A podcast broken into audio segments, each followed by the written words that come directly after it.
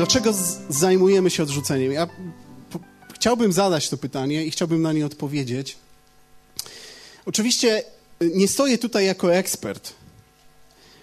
Y, nie stoję tutaj jako ekspert, raczej jako ktoś, kto sam przeżył, przeszedł pewną drogę i myślę, że, że tą, tym swoim doświadczeniem chciałbym się przede wszystkim dzisiaj podzielić i, i moja modlitwa, moje pragnienie jest, aby jak największa ilość z was się z tym mogła utożsamić i skorzystać z tego doświadczenia, przez które Bóg mnie przeprowadza w zasadzie. Nie tyle przeprowadził, co przeprowadza. Dlaczego zajmujemy się odrzuceniem? Po pierwsze, dlatego, że odrzucenie dotyka każdego człowieka. Jest to absolutnie powszechny problem. Nie ma nikogo, kto by się z tym nie zetknął, kto nie miałby z tym e, problemów. I nie jest to moja tylko osobista opinia, nie jest to tylko moje jakieś odczucie, ale jest to absolutnie biblijny fakt. Jeżeli spojrzymy na słowo, to możemy zobaczyć, że wszyscy zgrzeszyli i pozbawieni są chwały Bożej oraz że byliście w tym czasie bez Chrystusa, apostoł Paweł mówi, dalece od społeczności, dalece od społeczności, dalece od społeczności i obcy przymierzom, nie mający nadziei bez Boga na świecie.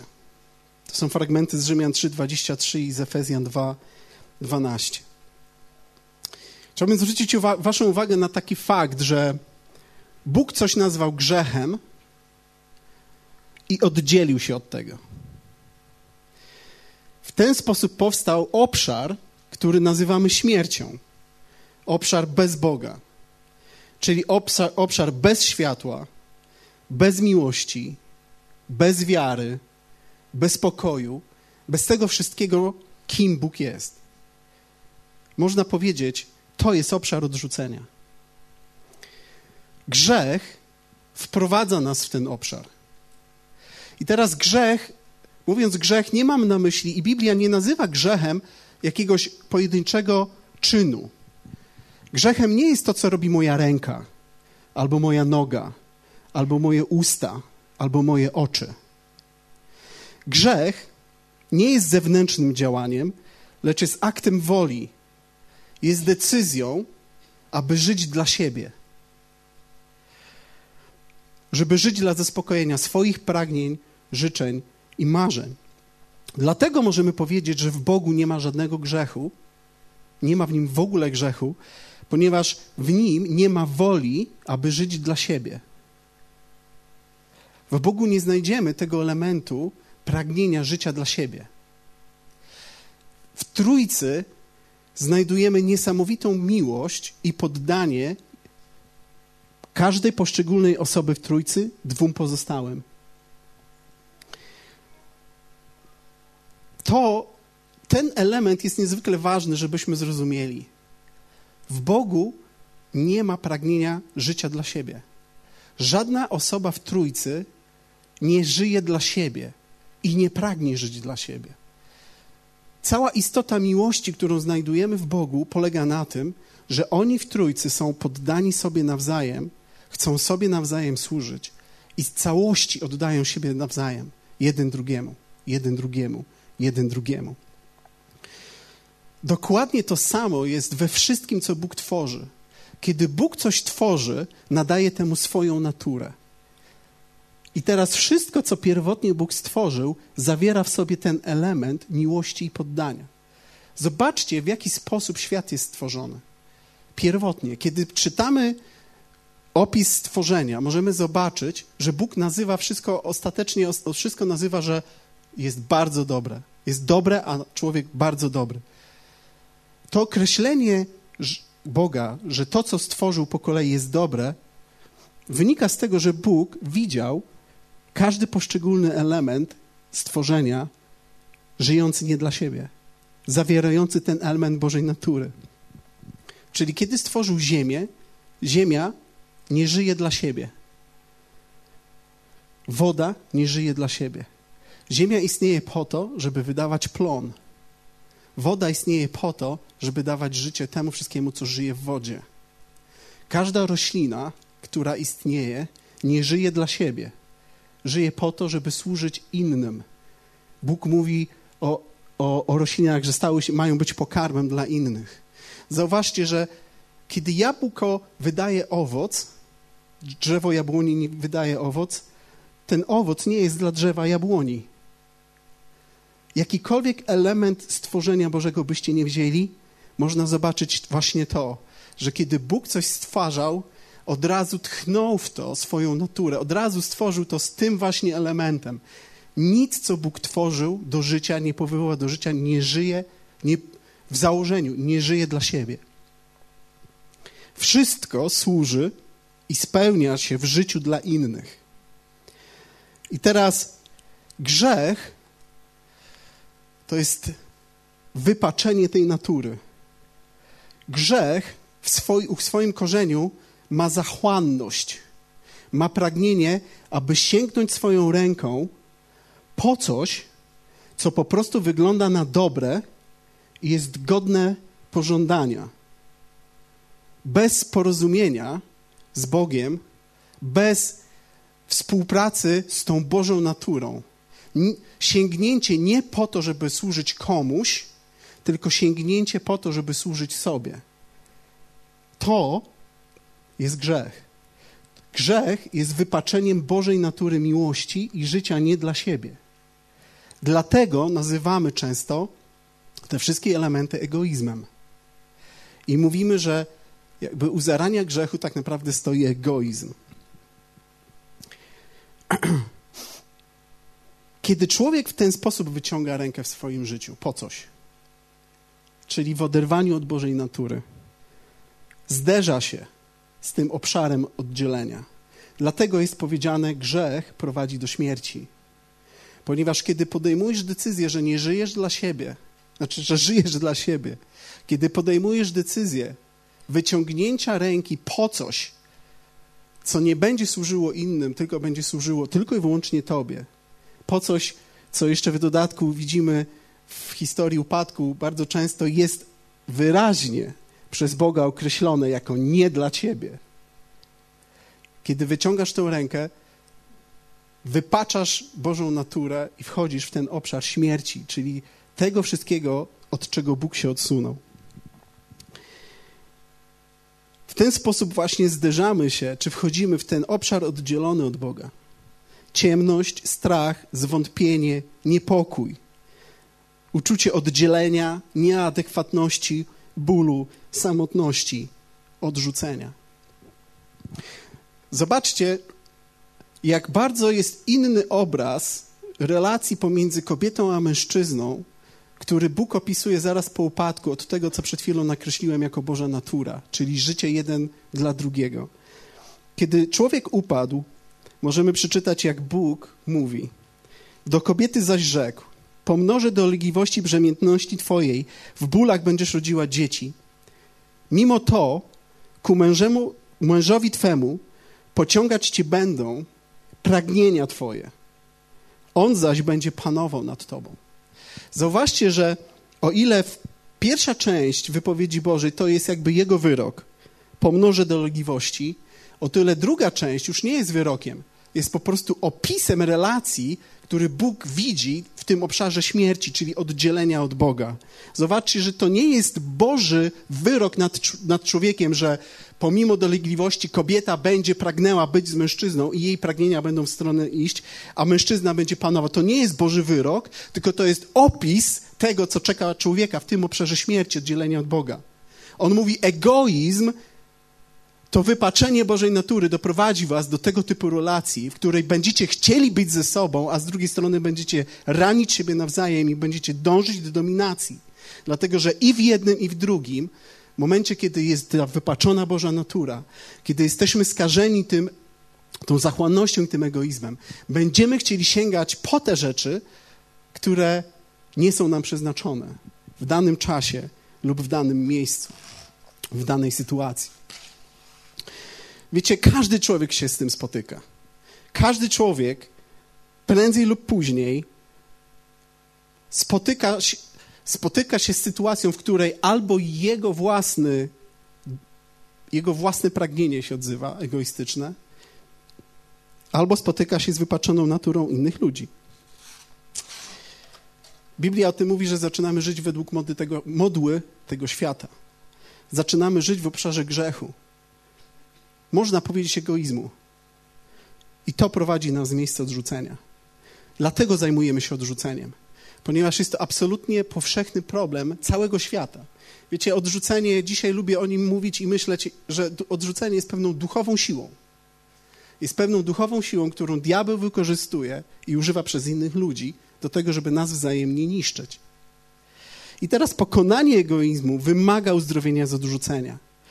Za chwilę będziemy mówić o efektach odrzucenia, ale już teraz chcę Wam powiedzieć, że każdy grzech, kiedy teraz już przechodzimy do grzechów w znaczeniu pewnych czynów, pewnych ciągot, pewnych nałogów, wiecie, każdy grzech jest związany z tym egoizmem, a więc w pewien sposób z odrzuceniem. I jeżeli chcemy zwyciężyć, jeżeli chcemy wyjść z tego labiryntu, jeżeli chcemy zwyciężyć nad nałogami, jeżeli chcemy zwyciężać nad pewnymi grzesznymi pociągami w, na, w, na, w naszym życiu, uzdrowienie z odrzucenia jest jednym z najpotężniejszych narzędzi do tego. Po drugie, dlaczego mówimy o odrzuceniu? To dlatego, że odrzucenie uderza w najcenniejszą rzecz w życiu człowieka, to znaczy w relacje. Na tych kartkach tak, macie miejsce, żeby zapisać to. Relacje zostały wymyślone i zaprojektowane przez Boga według swojej natury.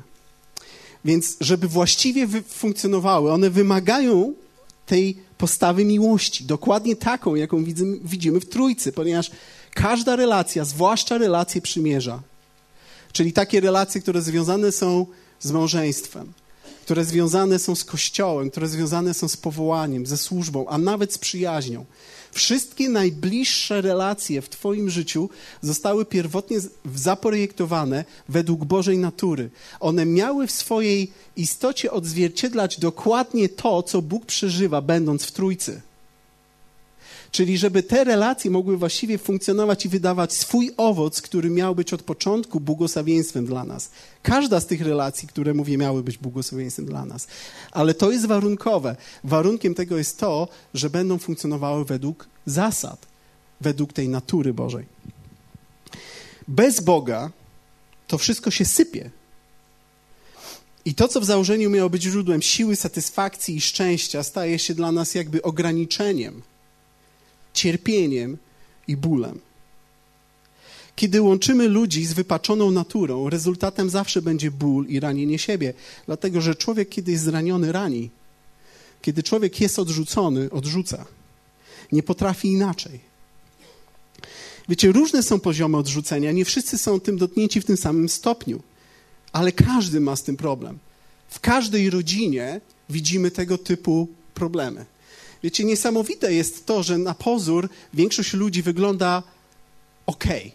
Kiedy spotykamy się z większością ludzi, kiedy sobie rozmawiamy, mamy wrażenie, że rozmawiamy zupełnie normalną sytuacją, normalną, spotykamy się z normalnym człowiekiem, który ma normalną rodzinę.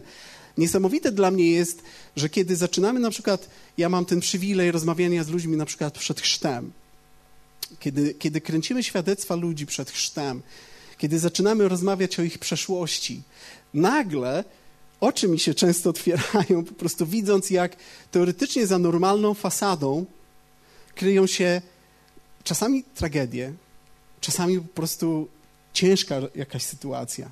Jestem zadziwiony, jak ciężko jest znaleźć dom czy rodzinę, w której problem odrzucenia nie wyjdzie na wierzch w postaci jakiegoś cierpienia, bólu, ogromnych problemów w relacjach.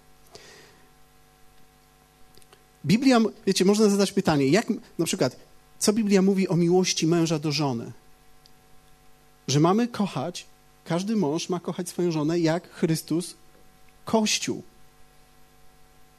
W samym tym jednym prostym zdaniu widać, jak Bóg umieścił w relacji małżeńskiej dokładnie tą zasadę miłości, którą On ma w Trójcy. Bo Miłość, którą Chrystus ukochał Kościół, to jest dokładnie odzwierciedlenie tej miłości, którą nasz Bóg doświadcza w Trójcy. Wiecie, nie da się tego do końca zrozumieć naszym ludzkim umysłem.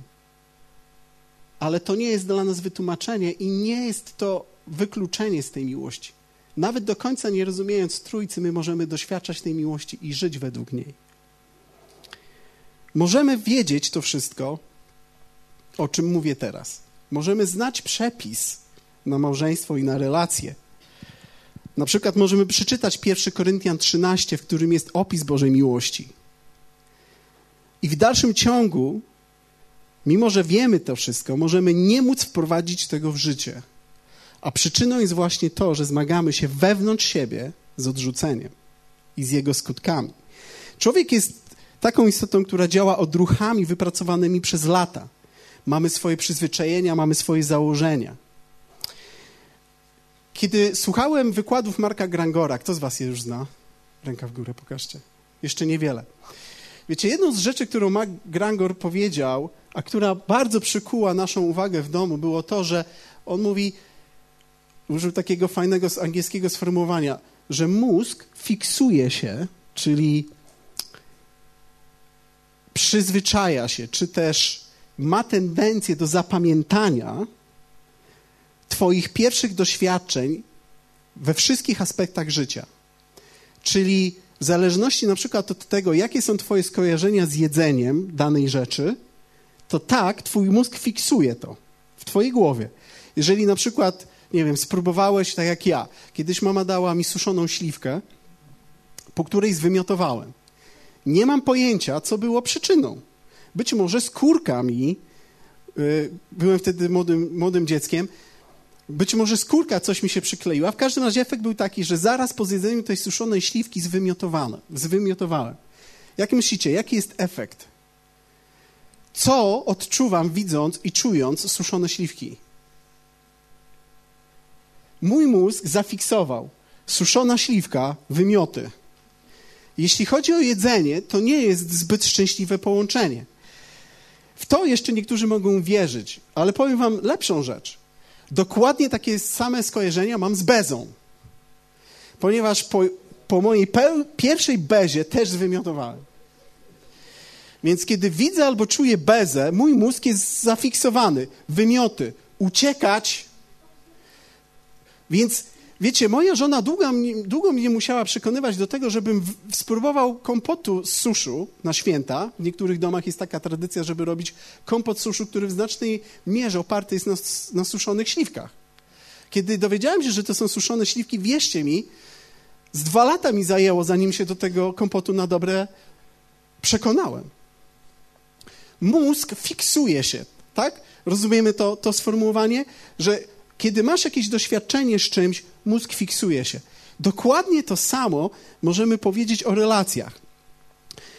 My działamy według przyzwyczajeń, według tego, jak nam mózg zafiksował się na danych doświadczeniach, na danych relacjach.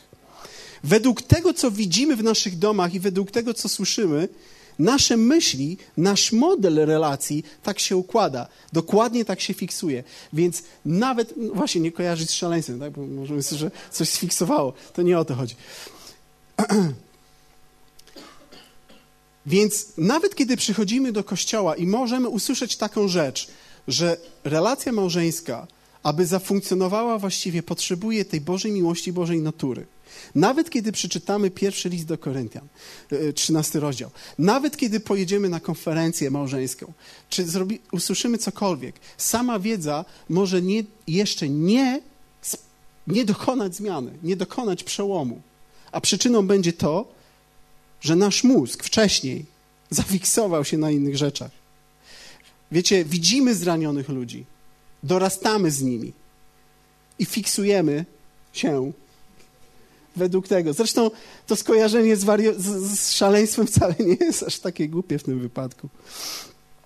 Wiecie, do tego jeszcze trzeba dodać nie tylko odruchy, które przejmujemy od ludzi, ale też nasze, nasze własne, wypracowane w naszym życiu, ponieważ wiecie, my jesteśmy świetni w edukowaniu tych elementów. Sami odkrywamy, sami, sami odkrywamy pewne egoistyczne odruchy w naszym życiu i świetnie potrafimy je wytłumaczyć jako ludzie jesteśmy świetni w takiej ściemie. Każdy z nas może znaleźć wytłumaczenie na daną rzecz. Wiecie, przykładem tego są na przykład, e, jest historia o synu marnotrawnym i jego bracie, kiedy, w Łukasza 15, kiedy przeczytamy tą historię, to zobaczymy, że i jeden, i drugi miał świetne wytłumaczenie dla swoich egoistycznych, niewłaściwych, zupełnie pozbawionych Bożej natury odruchów. Każdy z nich jakby reagował inaczej, ale obaj chorowali na odrzucenie. Z tej historii wynika jeszcze jedna rzecz, że siła tych naszych wewnętrznych odruchów jest na tyle duża, że nawet jeżeli jesteś wychowywany przez ojca takiego, jaki tam jest opisany, w dalszym ciągu nie chroni cię to przed takimi rzeczami. Ponieważ jeśli nie jesteś ostrożny, jeśli nie jesteś blisko ojca, jeżeli nie czerpiesz z niego wzorca, możesz pójść swoją drogą. I tutaj, że tak powiem, geografia nie ma żadnego znaczenia. Zobaczcie, jeden był fizycznie daleko, drugi był cały czas fizycznie blisko i to nie miało żadnego wpływu. Jeden i drugi zareagował przez odrzucenie, kiedy przyszła sytuacja niewygodna dla niego. Jeden powiedział: Daj mi moją część majątności i pójdę sobie stąd, a drugi, kiedy tamten wrócił, był oburzony, że ojciec przyjął go z powrotem. Czy to było zdrowe? Nie, ani jeden, ani drugi nie zachował się zdrowo. Więc wiecie, to ja, ja żeby pokazać wam to, że głęboko to siedzi w każdym z nas, wystarczy, że powiem, że Bóg pragnie, abyśmy żyli w ten sposób według zasady wszystko, co moje, jest Twoje. Tak można między innymi podsumować całą relację małżeńską. Wszystko, co moje, jest Twoje. Wiecie, wyobraźcie sobie, wyobraźcie sobie wypowiedzenie tego, te, tych słów do swojej żony albo do swojego męża, do kogokolwiek. Wszystko, co moje, jest Twoje. Nie wiem jak wy, ale we mnie te słowa wywołują różne efekty dreszcz, yy, lekkie zaniepokojenie. Ja jestem taki, żebym od razu chciał zapytać, dobrze, zdefiniujmy wszystko.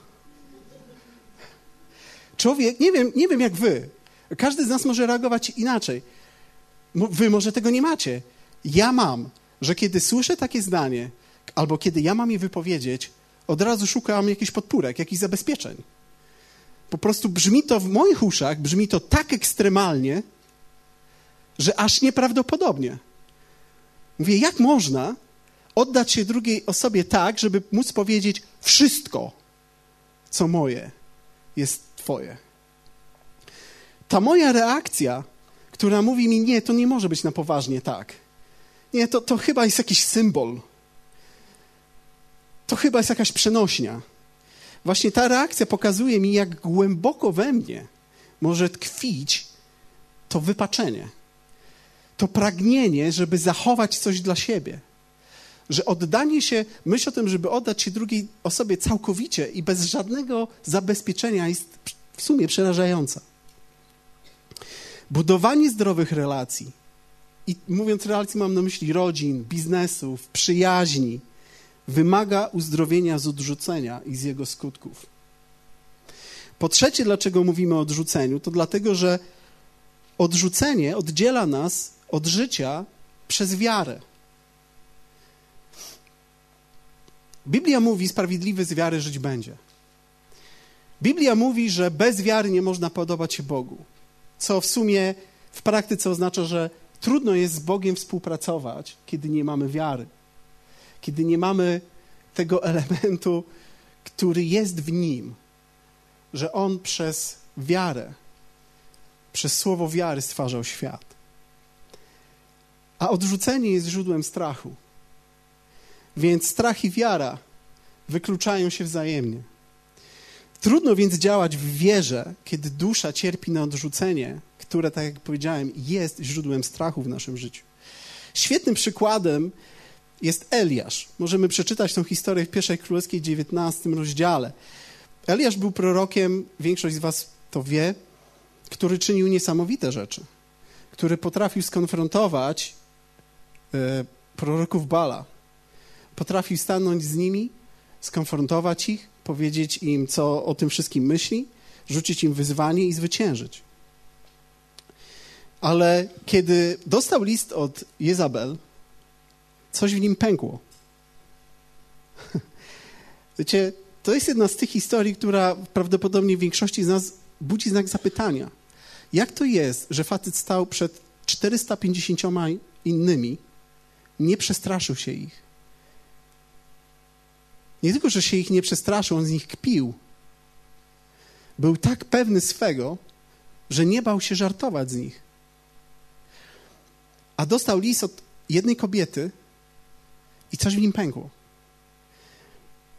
Nie znamy, nie znamy historii Eliasza na tyle dobrze, żeby móc dokładnie przeanalizować, zrobić jego profil psychologiczny i powiedzieć, co to, co to spowodowało, co było przyczyną tego, że ten jeden list, ta jedna groźba spowodowała, że on pękł. Ale śmiem przyczu, przy, przypuszczać, wręcz jestem pewien, że to było związane z odrzuceniem. Dlaczego? Dlaczego tak myślę? Widać to po jego reakcji.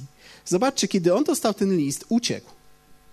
Uciekł i zachowywał się jak jakiś paranoik.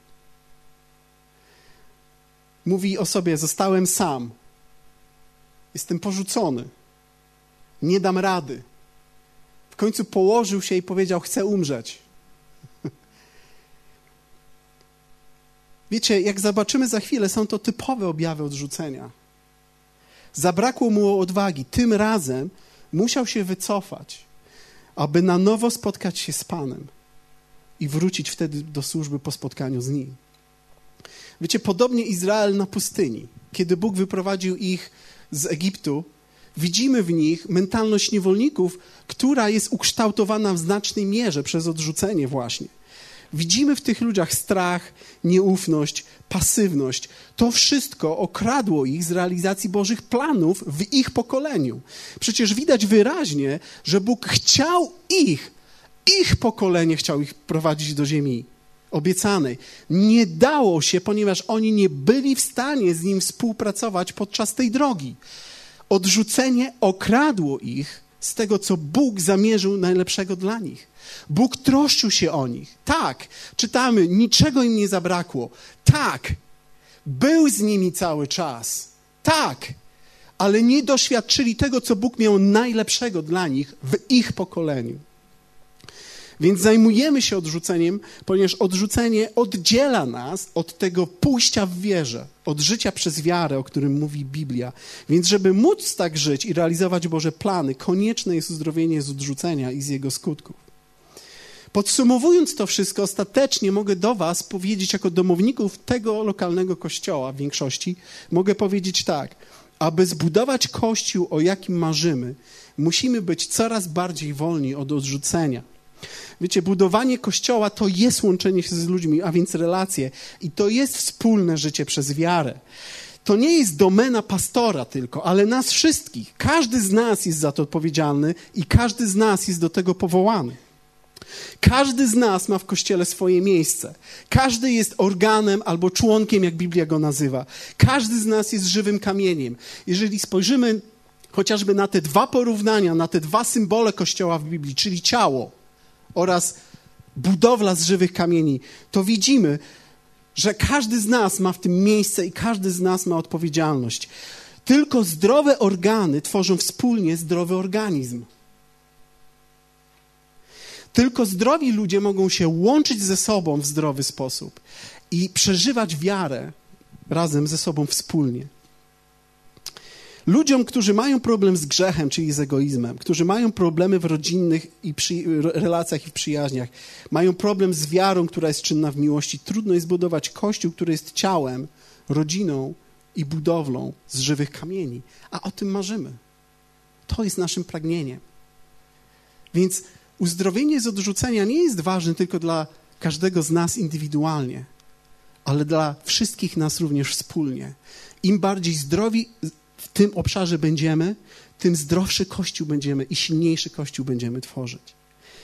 Wiecie, kiedy patrzymy na przykład na Ananiasza i na Safirę w dziejach apostolskich w piątym rozdziale, możemy zobaczyć, niesamowity przykład właśnie działania w odrzuceniu.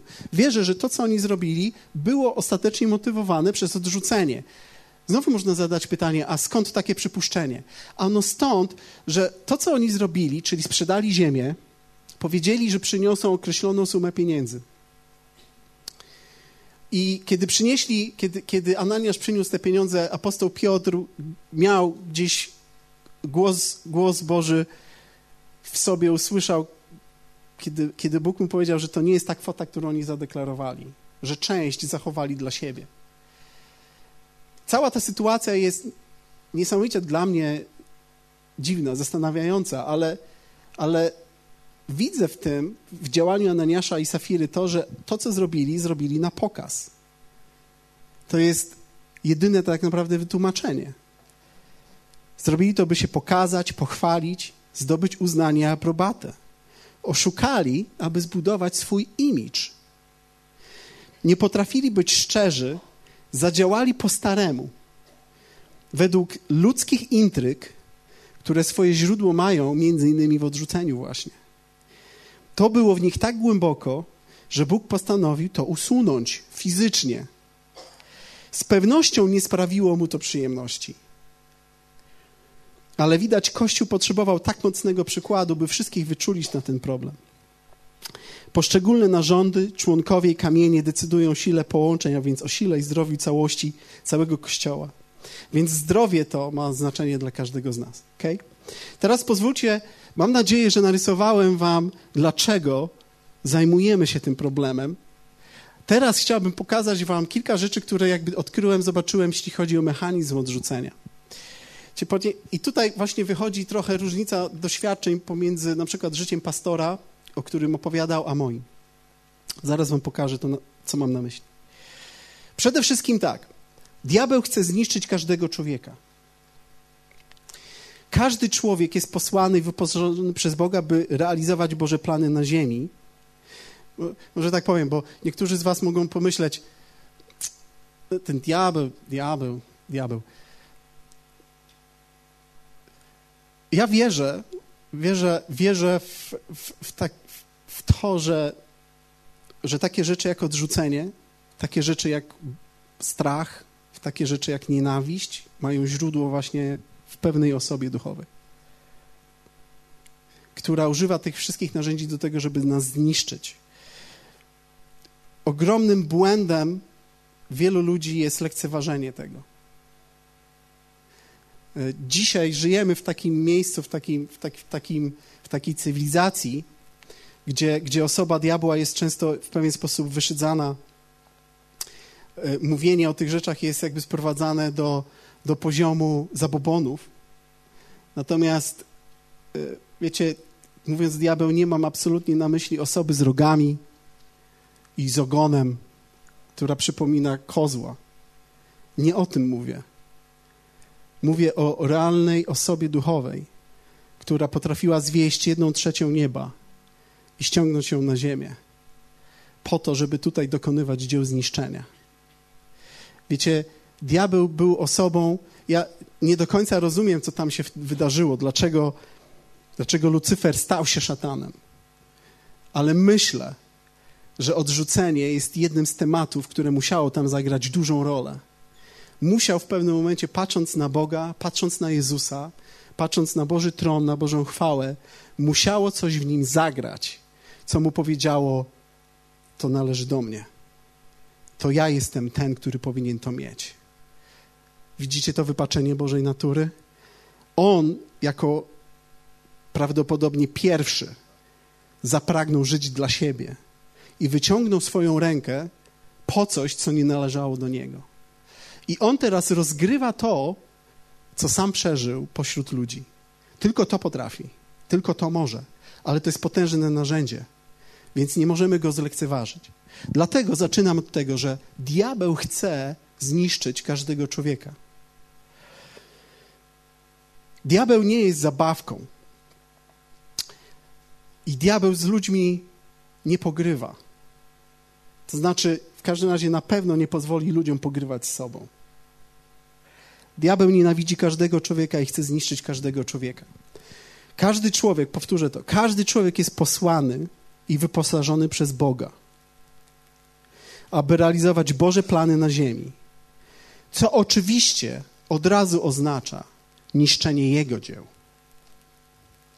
Dlatego każdy człowiek jest zagrożeniem dla Niego.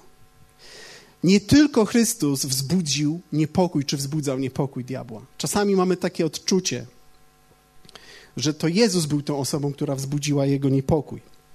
Tak, wzbudziła jego szczególny niepokój jako tego, który był pierwszy, który miał na tyle otwarte oczy i na tyle dużo zrozumienia, że wiedział, co się dzieje. Potrafił doskonale rozeznać duchową rzeczywistość. Natomiast dzisiaj każdy człowiek ma taką możliwość. Każdy człowiek, który naradza się na nowo, który wyznaje Jezusa, otrzymuje dokładnie to samo, co ma Jezus. Dlatego diabeł chce niszczyć wszystkich. I robi to w możliwie najprostszy sposób. Otóż uderza w nasze poczucie wartości. Tak, aby wprowadzić nas w obszar odrzucenia, czyli tego oddzielenia od Boga, o którym mówiłem. Stara się to zrobić jak najwcześniej, wykorzystując takie środki i takie możliwości, jakie ma. I to jest coś, co, co pastor dwa tygodnie temu mówił. I absolutnie się z tym zgadzam, że, że dzieciństwo człowieka w, w, ty, w, tym, w tej akurat materii ma absolutne jakby znaczenie. Czyli diabeł nie czeka, aż dorośniemy. On obserwuje nas od samego początku. I w co uderza? w to, co najważniejsze dla naszego poczucia wartości. Posłuchajcie, to jest proste jak konstrukcja cepa.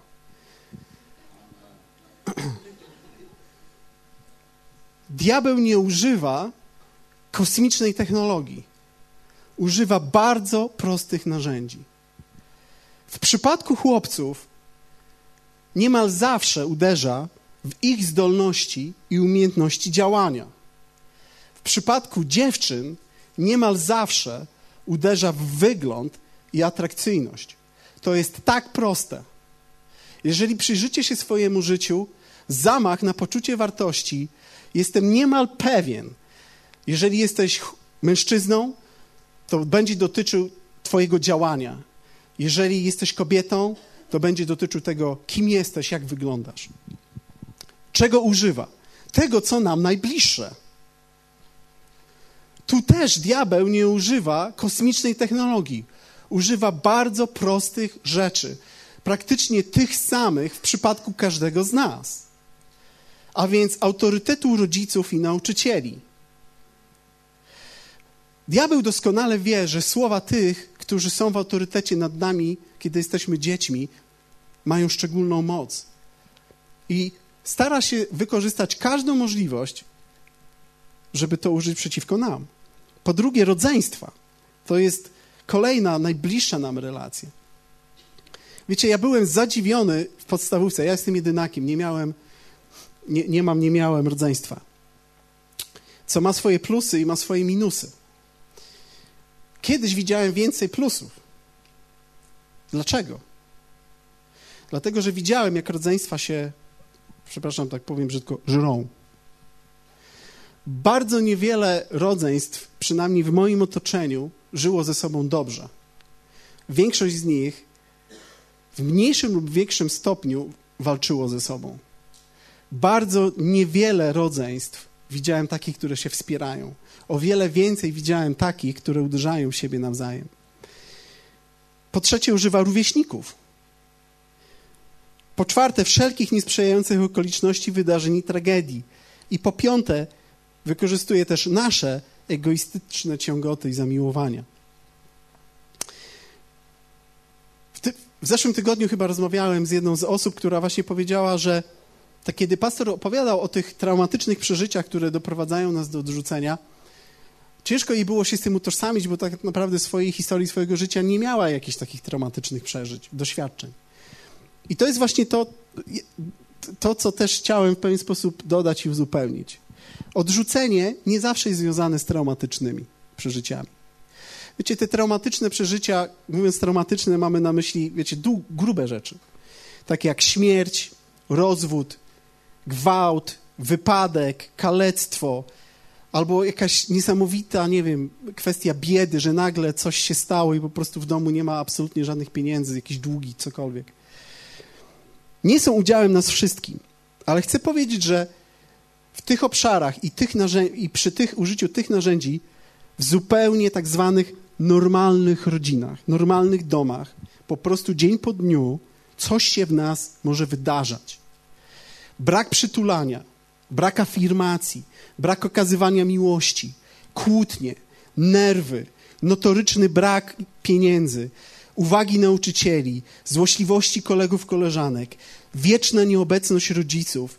Wiecie, to wszystko dzień po dniu może uderzać w nasze poczucie wartości i mówić nam: Jesteś nic nie warty, jesteś nic nie warty, jesteś nic nie warty, nikogo nie obchodzisz, nikogo nie interesujesz, nic nie umiesz. Jesteś brzydka. Kto się tobą zainteresuje?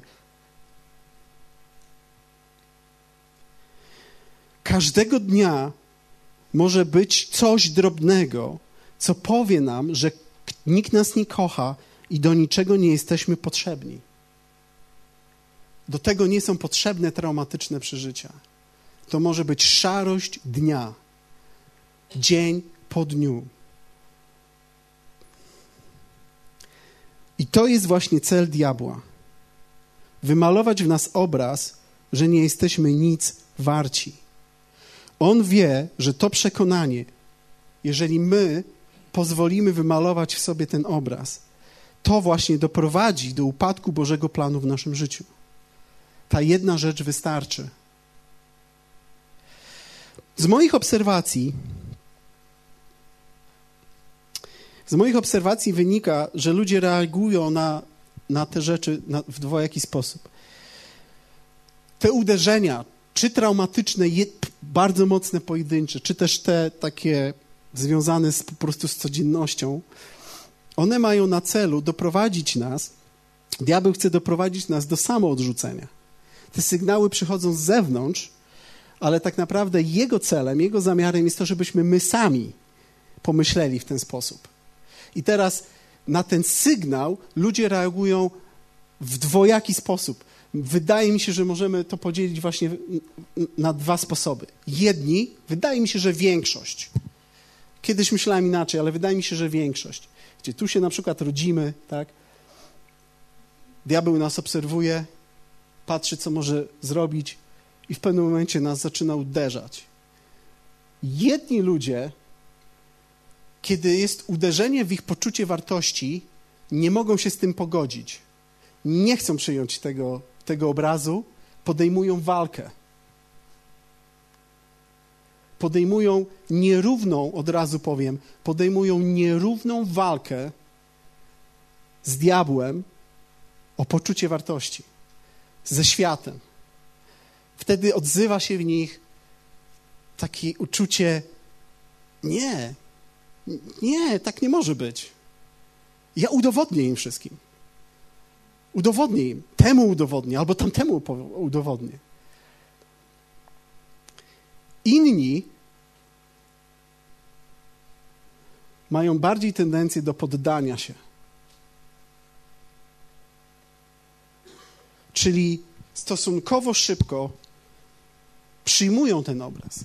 Nikt nie przyjmuje go od razu, ale niektórzy po prostu stosunkowo szybko gdzieś wewnątrz siebie poddają się, coś ich łamie. W pewnym momencie dają się złamać w tym i mówią rzeczywiście, jestem nic nie wart. Nie ma lepszej reakcji. Znaczy, jedna i druga tak naprawdę prowadzą nas na manowce. Wiecie, Boża droga,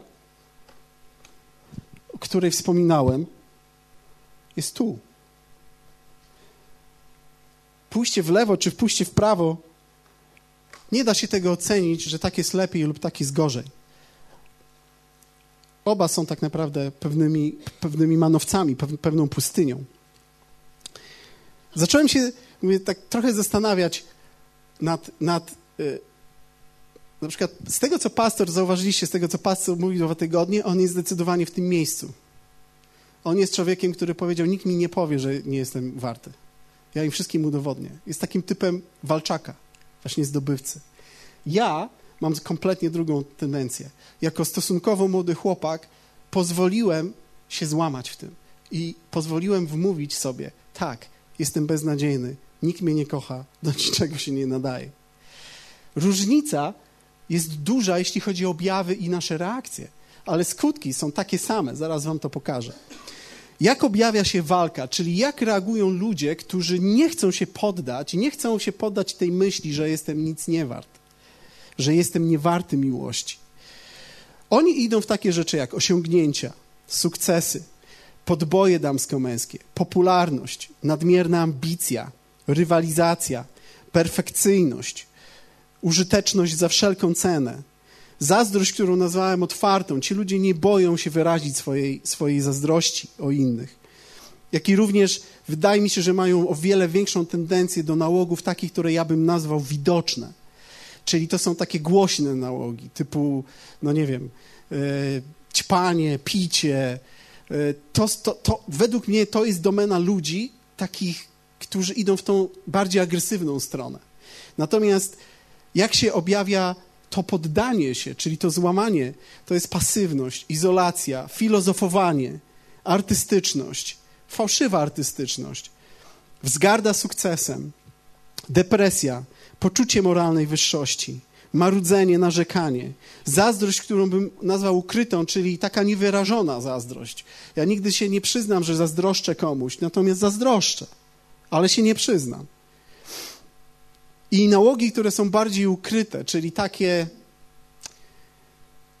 takie jak pornografia, takie e, nawet, bo to może być też alkoholizm, ale, ale taki samotny, nie taki w grupie, tylko taki samotny, gdzieś tam do ściany, do okna. To są tego typu e, gdzieś elementy. E, jakkolwiek objawia się to na przykład w Twoim życiu, skutki tak naprawdę są identyczne, ponieważ prowadzi to do poczucia zagrożenia i strachu przed ludźmi. Wiecie, to jest rzecz, yy, tak jak powiedziałem, ludzie mają różne stopnie tego. To jest rzecz, z którą ja na przykład, nie wiem, chyba do dzisiaj się zmagam. Przyznam, będę szczery do bólu. Kiedy, kiedy myślałem dzisiaj o spotkaniu, że mam stanąć przed wami, wierzcie mi, dla mnie to była walka. To była walka. Stanąć, myśl, że stanę przed kilkudziesięcioma ludźmi i będę coś mówił, nie jest dla mnie do dzisiaj łatwa. To bierze się z tego poczucia zagrożenia, lęku przed ludźmi, lęku przed ich opinią, co oni pomyślą. W, w pracy to może być, co oni zdecydują, jaką decyzję podejmą. Pragnienie spełnienia oczekiwań innych. Możesz się całe życie męczyć, próbując doskoczyć do poprzeczek, które stawiają ci inni, lub nawet powiem więcej, nie tylko, że, nie to, że inni ci stawiają, tylko w twojej wyobraźni oni ci je stawiają. Gdzie ten lęk przed człowiekiem, ja kiedyś wam opowiadałem, wrócę jeszcze do tego, bo to wszystko jakby ze sobą jest związane. Opowiadałem wam kiedyś, że trzy lata pracowałem w jednej z firm. Za każdym razem, kiedy dzwonił telefon u mnie na biurku, ja go podnosiłem i słyszałem głos w słuchawce swojej szefowej. Panie Arturze, proszę do mnie. Przez trzy lata kiedy odkładałem tę słuchawkę i szedłem jakieś 100 metrów korytarzem, tu mi łapał strach. I myśli, które mi przelatywały, były, co znowu zawaliłem. Wywalą mnie. Albo premię, albo coś. Trzy lata nie miałem ani jednego problemu. Nie było ani jednej sytuacji, w której moje myśli by się ziściły. Ale coś we mnie powodowało, że jej głos jako autorytetu szefa nade, nade mną powodował ścisk cały we mnie, że nie doskoczyłem, że nie spełniłem, że do, zostanę ukarany za coś. Wiecie, taki lęk przed ludźmi to jest pułapka. Biblia to mówi. W przypowieściach możemy czytać. Lęk przed ludźmi, przed człowiekiem jest jak pułapka. Ten, kto ufa Panu, jest bezpieczny. w tym poczuciu zagrożenia jest też bardzo często porównywanie się z innymi. Inni mają taki problem, porównują się, patrzą na innych i, i ciągle czują, że są zagrożeni tym, co mają inni. Ponieważ to, co mają inni, jest w pewnym sposób wyrzutem i uderzeniem w, ich poczucie wartości. Pragnienie spełnienia oczekiwań, które w pewien sposób wyrasta z tego strachu przed człowiekiem.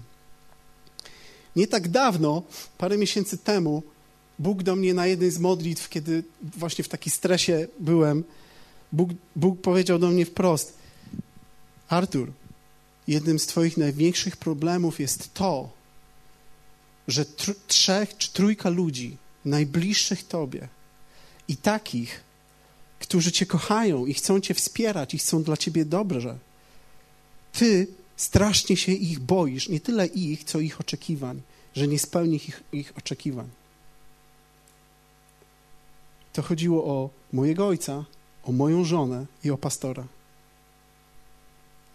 Można żyć w tak ogromnym stresie wymyślonych oczekiwań.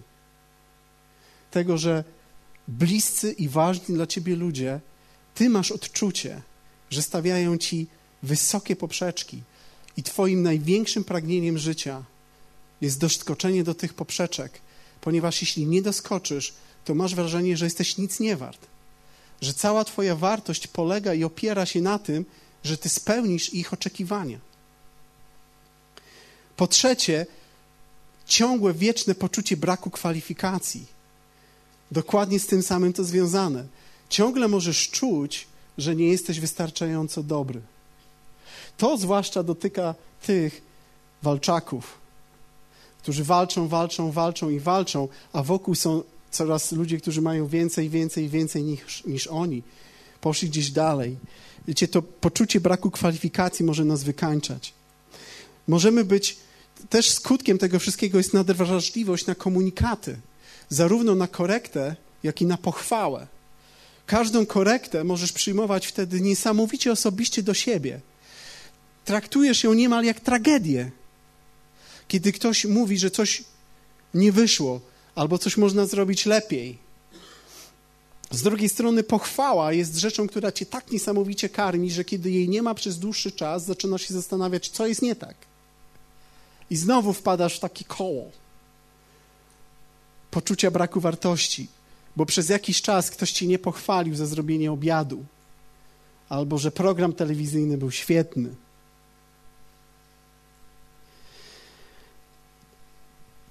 Odrzucenie też rodzi taką rzecz, że jest, jest w Twoim życiu nieumiejętność lub niechęć wyrażania emocji. Możemy te emocje wyrażać w sposób zbyt gwałtowny, taki bez kontroli, lub też możemy się całkowicie zamykać. Moim ostatnim doświadczeniem, naszym jako małżeństwa, jest to, że umiejętne komunikowanie swoich emocji, kurczę, jest tak ważne. Można żyć ze sobą kilkanaście, kilkadziesiąt lat i nie rozumieć siebie, tylko i wyłącznie dlatego, że z powodu lęku. Z powodu lęku nie komunikujesz emocji swoich we właściwy sposób. Bo nie jest wyjściem wywalenie wszystkiego, tak wiecie, jak ja to mówię, przepraszam, wyżyganie. Wiecie, tu nie chodzi o to, żeby wyżygać. Przepraszam. Chodzi o to, żeby komunikować. Jest różnica. Też usta się do tego używa, ale w inny sposób. Efekt jest kompletnie inny. Zapachy są inne. I to jest dla nas niesamowite odkrycie, w jak fajny sposób, chociażby za pomocą listów, można wyrażać swoje emocje. Czasami trudno jest powiedzieć coś wprost, nawet swojej żonie czy mężowi. Czasami jest łatwiej wziąć kartkę, długopis. Pamiętacie długopis, co to jest jeszcze? Nie wszyscy piszą na komputerze, nie? Kartkę, długopis i napisać kilka zdań na temat tego, co się czuję, co przeżywam, co się dzieje we mnie. Wiecie, mam takie tutaj zdanie, które mnie dzisiaj uderzyło, jak myślałem nad tym tematem. Poprzez odrzucenie, poprzez te elementy, o których teraz mówię, posłuchajcie, diabeł upodobnia nas do siebie.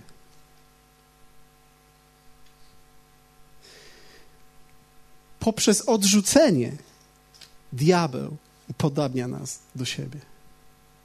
Bo to właśnie odrzucenie powoduje, że zaczynamy kłamać, kombinować, chować się, izolować, rywalizować niewłaściwie. Te wszystkie elementy, które wymieniłem, to są, to są właśnie objawy i skutki odrzucenia. Jakie jest rozwiązanie? Po pierwsze, trzeba zrozumieć, że uzdrowienie z odrzucenia to jest proces. Uzdrowienie z odrzucenia nie przechodzi przez jedną modlitwę. Jedna modlitwa może ten proces rozpocząć, ale go nie zakończy. Niesamowitą rzeczą jest to, że cały ten, cały, cała moja lista, poddanie, tak? Jeżeli spojrzycie na moją listę, poddanie, którą macie też na kartkach, pasywność, izolacja, filozofowanie, artystyczność, wzgarda sukcesem, depresja, poczucie moralnej wyższości, marudzenie, narzekanie, zazdrość ukryta i nałogi ukryte. Kiedy ja się nawróciłem, mieliśmy między innymi właśnie modlitwę, w której ja przybaczałem ludziom, którzy uderzali we mnie, którzy mówili źle przeciwko mnie. Mieliśmy spotkania, w których modliliśmy się uwolnienie od odrzucenia. I niewątpliwie to rozpoczynało, rozpoczęło proces uzdrowienia. Jakieś zdziwienie przeżyłem, kiedy po kilku latach, dwóch, trzech latach, kiedy przyszła presja dorosłego życia, nagle się okazało, że te wszystkie rzeczy we mnie dalej siedzą. I kiedy przychodzi trudny dla mnie czas, ja mam w dalszym ciągu tendencję do reagowania właśnie przez ten pryzmat. Więc musiałem zrozumieć, że uzdrowienie z odrzucenia jest procesem, który zabiera czas, odbywa się stopniowo i wymaga pomocy innych ludzi. Tak jak powiedziałem, że lubię myśleć dzisiaj, tak nazywać odrzucenie jako siłę duchową, którą diabeł wykorzystuje i używa przez innych ludzi do naszego zniszczenia, to siłą duchową, którą Bóg używa do uzdrowienia nas odrzucenia, jest pojednanie. Pojednanie z Bogiem, pojednanie z ludźmi i pojednanie z sobą. Co w praktyce, bo nie będę się specjalnie w to, w, to, w to wchodził ze względu na czas, więc pozwólcie, że od razu przejdę do pewnych praktycznych rzeczy. Co na przykład widziałem w moim życiu, co Bóg używał, żeby przez lata pomagać mi i prowadzić mnie w tym procesie uzdrowienia. Na pewno jest to uczestniczenie we wspólnych spotkaniach, zwłaszcza w uwielbieniu i w modlitwach. Wiecie, kiedy, kiedy mówimy o uzdrowieniu z odrzucenia, to mówimy o doświadczaniu Bożej miłości. Kiedy słyszę osobiste słowo do siebie, kiedy na przykład ktoś, kto głosi, mówi, tak mówi Pan i mówi nade mną słowo, czuję się niesamowicie podniesiony, kochany. Nagle czuję, że Bóg mnie widzi. Czuję, że przypomina mi się, że On ma plan dla mnie. A to, że daje mi jeszcze szczegółowe wskazówki na ten temat, jest niesamowicie zachęcające, podnoszące. Każdy, kto to przeżył, kto miał możliwość usłyszenia tego typu słowo, wie, z jakimi emocjami, z jakim uzdrowieniem się to wiąże. Również indywidualna modlitwa moje potrzeby, kiedy ten, który prowadzi spotkanie, zaprasza ludzi, wyjdźcie, będziemy się modlić o wasze potrzeby.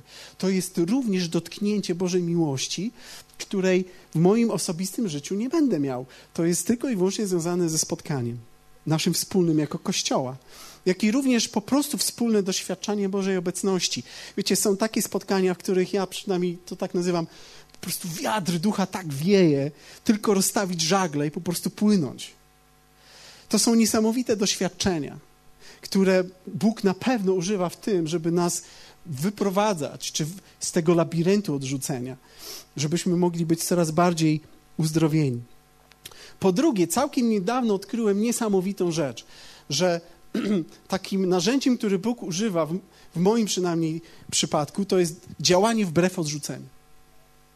Czyli kiedy ja na przykład mam tendencję, kiedy między nami się z Beatą nie układa, ja mam tendencję do wycofywania się, do, izola, do izolowania. Ja się po prostu boję jej reakcji. Tak jestem skonstruowany. Mnie, nie to, że się boję jako facet, ale nie lubię tego, nie lubię, strasznie nie lubię tego elementu konfliktu. Nie lubię tego, że ktoś mnie nie lubi. Nie lubię, że ktoś jest zdenerwowany na mnie. Ja się czuję taki zagrożony wtedy. I ja mam wtedy tendencję do odsuwania się, do izolowania się. Gdzie Beata od nastu lat tłucze mi do głowy, Artur, kiedy my się kłócimy, czy, czy, kiedy mamy jakiś problem, kiedy ja mam problem, ja potrzebuję Twojego dotyku, potrzebuję, żebyś przyszedł i mnie przytulił. Pojęcia nie macie, co się, wiąże, co, co się toczy we mnie, kiedy wszystko we mnie w takiej sytuacji mówi uciekaj, a gdzieś przypominam sobie słowa przytul mnie, przytul mnie. Za każdym razem, kiedy wychodzę poza swój lęk i poza swoje odruchy, poza swoje przyzwyczajenia i decyduję się pójść w jej stronę i ją ukochać, czuję, jak przychodzi niesamowite uwolnienie. I powraca do mnie sens mojego istnienia. Nagle odczuwam, że jako facet jestem jej potrzebny, ponieważ moja męska dłoń jest jej potrzebna w chwili jej słabości. Niesamowite uzdrowienie odczuwam, kiedy nie pozwalam sobie pójść w moim odrzuceniu, tylko w moich decyzjach i w moich odruchach decyduję się iść na przekór i okazać jej miłość w sposób, jaki wiem, że jest jej potrzebny. Wiecie, co wtedy mówię? Nie żyję dla siebie. Gdybym chciał żyć dla siebie, to bym uciekł. Ale nie jestem tu dla siebie, jestem tu dla niej. I kiedy ona mnie potrzebuje, ja zareaguję w taki sposób, żeby jej pomóc. Z tego płynie uzdrowienie z odrzucenia. Po trzecie, w niektórych przypadkach, w każdym przypadku, tylko w jednym mniej, a w drugim bardziej, potrzebujemy pomocy z zewnątrz. Takie elementy jak, takie narzędzia jak książki. Po drugie, przyjaciele i rodzina. Po trzecie, kościół, konferencje, imprezy. I po czwarte, pomoc specjalistów. Niedawno ktoś, spotkałem kogoś, kto, kto niesamowicie pomógł mi też zrozumieć siebie, ponieważ dokładnie z tym samym się zmagał, co ja w życiu. Jak opowiadał o swoim życiu, po prostu wow, dla mnie to było niesamowite objawienie. Patrzę na niego i mówię, sobowtór. Normalnie sobowtór. Kiedy miałem okazję z nim rozmawiać sam na sam, on powiedział mi taką ciekawą, bo ja zadałem pytanie, powiedz mi, jak ty sobie radzisz z tymi odruchami właśnie izolacji, wycofania, takiego poczucia bezsensu, że jestem sam i nie dam sobie rady. I on powiedział, potrzebujesz ludzi, którzy będą cię wzmacniać. Mówi, on mówi, w moim życiu ja miałem to szczęście, że kilka lat był ze mną człowiek, który niesamowicie mi pomagał przywrócić poczucie mojej wartości, mówiąc cały czas dobre rzeczy o mnie. I sformułował to w bardzo ciekawy sposób. On powiedział tak: Wiesz, ty masz po prostu dziurę w sercu. Ktoś ci wyrwał poczucie wartości. Masz dziurę w sercu. Zaprzeczanie temu nie ma sensu. Ktoś musi tą dziurę wypełnić. Ktoś ci ją wyrwał i ktoś musi ci ją wypełnić. Dlatego, słuchając jego, nagle zrozumiałem, że nie muszę się wstydzić tego, że potrzebuję w tym obszarze pomocy innych ludzi. Też myślałem właśnie, Waldku, o, o, o Twojej sytuacji, o wyjściu z alkoholu. Często powtarzasz, gdyby nie ludzie, sam byś sobie nie dał z tego rady. Czasami odrzucenie jest w nas tak mocne, że sami nie jesteśmy w stanie z tego wyjść. Mamy dziurę w sercu, którą ktoś musi zapełnić. Wiecie, nikt z nas nie jest samowystarczalny. Po to mamy między innymi przyjaźń, po to mamy rodzinę, po to mamy małżeństwo, po to mamy też specjalistów. Oczywiście zachęcam do specjalistów ludzi wierzących, co może w naszym przypadku w koszenie nie jest aż tak proste, ale być może będzie to potrzebne. Po czwarte, to, co na pewno mi pomagało i pomaga, to jest, to jest taki element poznawania siebie, mojej osobowości, moich darów, moich pragnień i moich powołań. To wynika dokładnie z tego, co przed chwilą powiedziałem. Nikt z nas nie jest samowystarczalny. Wiecie, człowiek jest pakietem.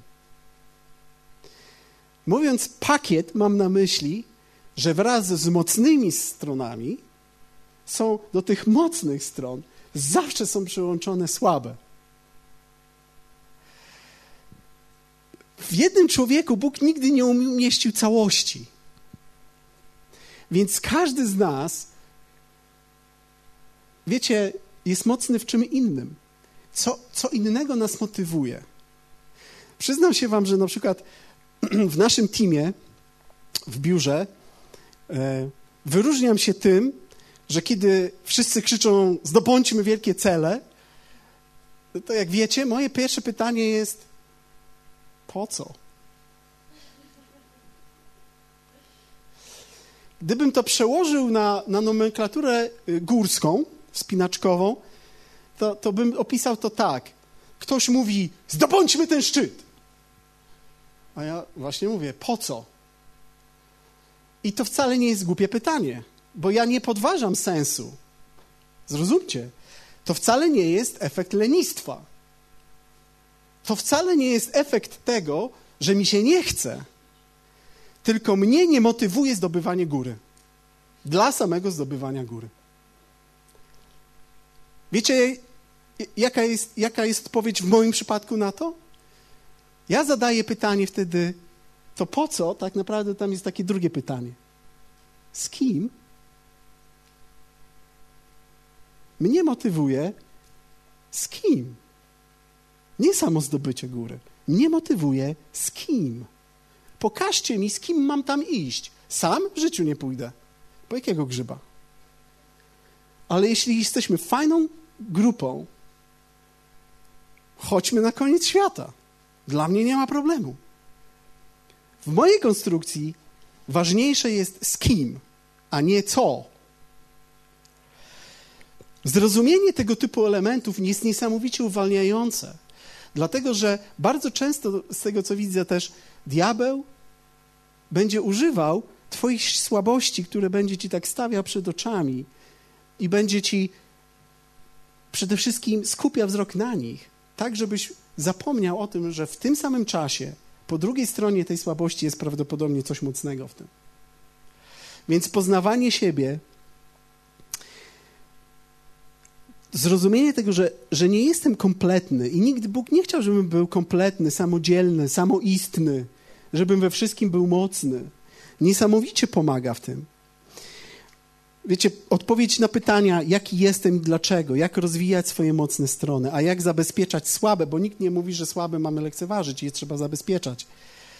Ale ten element myślę, że jest niezwykle ważnym narzędziem w tym, jak Bóg prowadzi nas w procesie uzdrowienia właśnie z odrzucenia.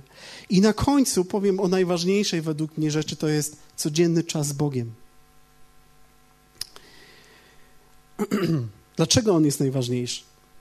Ponieważ nasze odkrycie, właśnie Beatka moja ostatnio to tak fajnie sformułowała. Ona mówi tak, wiesz, kiedy mamy, kiedy człowiek ma bliską relację z Bogiem i zna Jego głos, to Bóg może praktycznie użyć wszystkiego. Każdej książki, każdej rozmowy, każdego spotkania, nawet filmu, nawet gry komputerowej, przeróżnych doświadczeń w Twoim życiu – kiedy jesteś przyzwyczajony do wsłuchiwania się w Jego głos, kiedy jesteś przyzwyczajony w swoim sercu do oddawania Jemu wszystkiego w swoim życiu. A to wypracowuje się między innymi i głównie przez Twój codzienny czas z Bogiem. Wtedy Bóg może mówić do Ciebie praktycznie w każdej okoliczności i przez każdego człowieka możesz coś usłyszeć od Niego. A Biblia mówi, Bóg posyła swoje słowo, aby nas leczyć. I z mojego doświadczenia wynika, że nic nie daje tak, ogromnej, tak ogromnego poczucia satysfakcji, akceptacji i miłości, jak codzienne słowo od Niego do Ciebie. Takie zwykłe, codzienne słowo, kiedy z Nim się spotykasz. I On mówi do Ciebie na temat tego dokładnie, co przeżywasz w danej chwili. To jest najlepsza tabletka na odrzucenie, to jest najlepsza tabletka na brak poczucia wartości, na strach przed człowiekiem, na pragnienie im się przypodobania. Wiecie, trudno by mi było wam mówić o tych rzeczach, gdybym nie usłyszał wtedy Boga, który powiedział: Artur, twoim problemem jest to, że celem twojego życia jest zadowolenie trzech ludzi, którzy cię kochają, którzy chcą dobrze dla ciebie. Tylko ty w swojej wyobraźni widzisz ich jako największe wyzwanie w swoim życiu. Celem tego procesu tak naprawdę pojednania jest doprowadzenia do miejsca, w którym akceptujesz siebie jako dar, który Bóg dał temu światu dla innych. Czyli nagle lądujesz znowu w miejscu, w którym, który Bóg nazywa moja natura. Nie żyję dla siebie, Nie sięgam po coś, co mi się nie należy. Nie sięgam, ponieważ nie boję się, nie porównuję się, nie rywalizuję, nie próbuję nikomu nic udowodnić. Po prostu rozumiem, że jestem taki jestem, jaki jestem. Bóg mnie tak ukształtował, żeby być darem dla innych ludzi. Właśnie dokładnie w tym, w czym ja jestem. To jest powrót do życia w Bożej naturze, kiedy jestem kochany i z powodu miłości, którą odczuwam od Niego, żyję dla innych. I na końcu tej kartki, z drugiej strony, macie też pytania do mnie. To są pytania, które chciałbym, żebyście zadali sobie. Może niekoniecznie teraz. Jeśli, jeśli miałbym być szczery, to chyba wolałbym, żebyście spokojnie wzięli to do domu, pomyśleli chwilę nad tym, odpowiedzieli sobie na pytanie, po której stronie widzę siebie? Walczącej czy poddającej się? Jak duży problem z odrzuceniem widzę u siebie, czyli jak dużą dziurę mam? Jakie objawy i skutki widzę u siebie z tych, które są tam wypisane? Może znajdziesz inne. Oraz czy Bóg poruszył mnie dziś, abym zastosował z któreś z wymienionych narzędzi, o których, o których mówiłem. A teraz, jeżeli, jeżeli mógłbym Was prosić też o powstanie, chciałbym się chwilę pomodlić.